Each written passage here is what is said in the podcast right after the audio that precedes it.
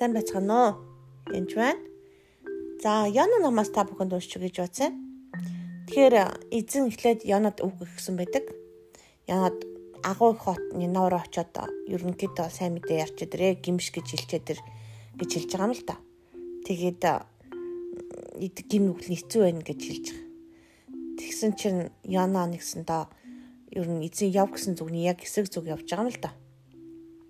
Тэгж байгаа далайн усан онгоцон далаа руу гарч байгаа усан онгоцонд суудсан явж исэн баг. Тэгээд дөрөвдүгээр уншиж өгье. Эзэн далаад хүчит цал хийлгэн далайн шураг боцсонд хөлөг онгоц сүрэхэд төрөв. Тэгэхэд далаачд айж хүн рүү өөрийн бурхнаа дуудаж хөнгөн болгохын тулд хөлөг онгоцон дээр хачаад дэшээ далаад руу хайжээ.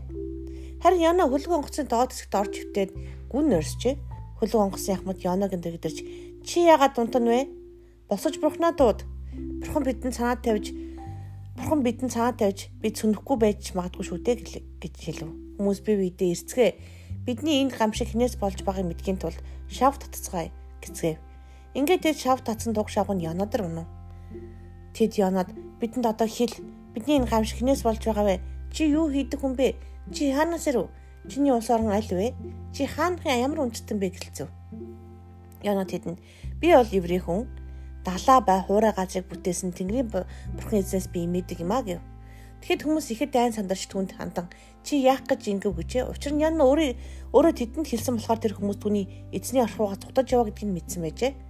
Далаа шуурга улам хүчтэй болсууч тэд түнд далаа намжаахын тулд бид чамайг яаж болох вэ байна гэв. Янаа тэд намайг барьж аваад талаар хайчгаа гэж хэлж байгаа. Далаа руу хай. Тэгвэл далаа нар та нарын өмнө намжин учир нь та нарын энэ хүчтэй шур надаас болж байгаа гэдгийг би мэднэ гэж хэлв. Харин хүмүүс газар руу буцах гэж хүчтэй сэлүүдэж байсан боловч чадсангүй. Нь далаа шург тэдний эсрэг улам ширүүсв. Тэгэд тэр эзэнд арчхан эзээ би хичээнгүйлэн залбирч байна. Энэ хүнийг хүний амьнаас бол бидний бүү устгаач гимгүү цусыг бидэн дээр бүү тохож учир нь эзэн та хүссэн бүхнээ хийсэн гэв. Ингээд тэд Йонаг барьж аваад далаа тайсан бөгөөд далаа догшин шивсгэ болов.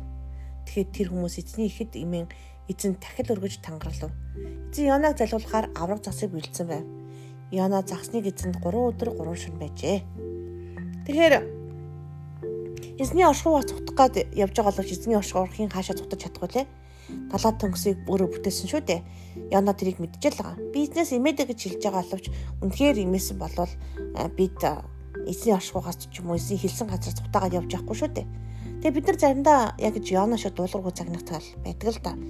Үнэхээр Яна шиг дуулуур загнадаг шүү. Яна шиг дуулуургүй загнах үед янз бүрийн жахан асуудлууд ч юм уу. За далайн шурган дотор учиргүй орж халмын залгуулахгүй маа гэхэд халимжтай 10 засны залгуулахгүй маа гэхэд бид ямар нэгэн бас юм өрхөнд ч юм уу бурхны дараагийн төлөвлөгөөрөө орох тий бэв төлөвлөгөөрөө орох тийм асуудлууд гардаг. Дараа бурхан заавал нэгэн бурхны нүхэд үнэхээр нэгүсэл ариу учраас биднийг одоо ямар эзэн бурхандаа дуулуургүй байна боолоо би чамайг одоо алчий гэж бурхан эзэн шилдэггүй л дээ. Ямар ч лээсэн сануулдаг тэгээ дараагийн төлгөө гаргадаг аль болох буцаад зам руу яг дуудагцсан дуудлагаа биелүүлэх төр бүх нөхцөлийг хангадаг. Зөндөл аль байдлагаараа л бурхан яадаг үлээ. Харж үздэг байгаа. Тэр үнэхээр бурхны нэгүсэл үнэхээр агуу шүү. Яна тэрийг дараагийн подкаст нэр би Янагийн эрхэм эзнийг магтаж байгаа талаар хэлж өгнө л доо. Аа тэгэхээр эхний ээлжинд би дуулуургүй байдаг. Дуулуургүй байдлаасаа болоод янз бүрийн одоо асууд цорилтонд ч юм уу орох юм хэцүү байдалд орох тохиолдол байдаг. А энэ бол эзнээс ирж байгаа одоо цовлон гэхүү дээ. Цовлон ер нь бол асуудал шүү дээ. Заримдаа суугаад явж чадахгүй шүү дээ. Тэгэхээр бид нар үнэхээр эзэн бурхнаар дуудагдсан болвол бидний дуудлагаа мэдэх явдал маш чухал байгаа. Тэгээд хийх хүмүүс дуудлагаа мэддэггүй. Янагийн дуудлага даалгавар амархан байсан. Бас хэцүү байсан цаг адилхан бол яг бол өөрийнх нь дургуй ч юм хэцүү төр үндэст рүү одоо тэрнийг аврах гэж явж байгаасгүй сайн мэдээнд явж байгаа. Тэр үнэхээр өөрийнхөө хүссэн газар руу биш маш өөрийнх нь хүсээгүй юмыг бурхан хийлэх гэж оролдож байгаа Йоног. Тэр нэг удаа Йоног Йоног төсөчл зааж байгаа. Тэгэхээр бид нар бурхан яг ямар даалгавар өгсөн бэ гэдгийг мэдэх гэж хуцаа их ордог л да зарим хүмүүс. Зарим хүмүүс мэдсээр ээжэж зөрүүдлээд хийх байдаг. А эсвэл мэдсээр ээжэж удаашруулдаг бас тал байгаа.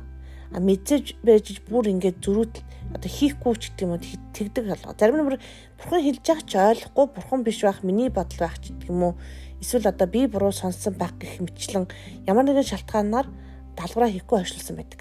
Тэгэхээр а үнэхээр эзэн танд ямар нэгэн даалгавар даалгасан болвол болж өгвөл яна шиг битээ цутаагаараа.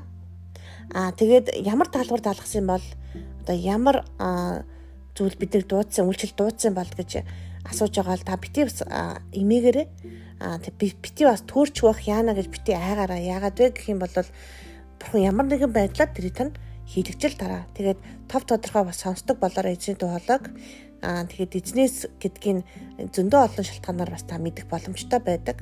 Аа өөрөөс нь тавлаж асуусан ч болно шүү дээ. Тэгэхээр та яг дуулуураасаа гажиж ихчих юм бол бас янз бүрийн асуудал болох юм бол эзнээс байх бас магадaltaй шүү. Аа тийм учраас та яг миний ажил юу вэ тий миний даалгавар юу вэ миний дуудлага юу вэ гэдгийг бас эзнээс тодорхой асуугаасаа гэж би чин сэтгэлээсээ хүсэж байна. Тэгээд хэрвээ эрдэн хариулахгүй байх юм бол бас төвчээртэй хүлээгээрээ аа тэгээд өөрийнхөө ажлыг хийгээ явж байхад бас буруудах юм байхгүй. Яг бол бурхны төлгөө ерөнхийдөө бол бэлдэг байгаа. Тийм учраас бити санаа зовоороо нэг их бити санаа зовоороо гэж хэлмээр байна. Тэгээд дуулууртай байгаараа баярлалаа.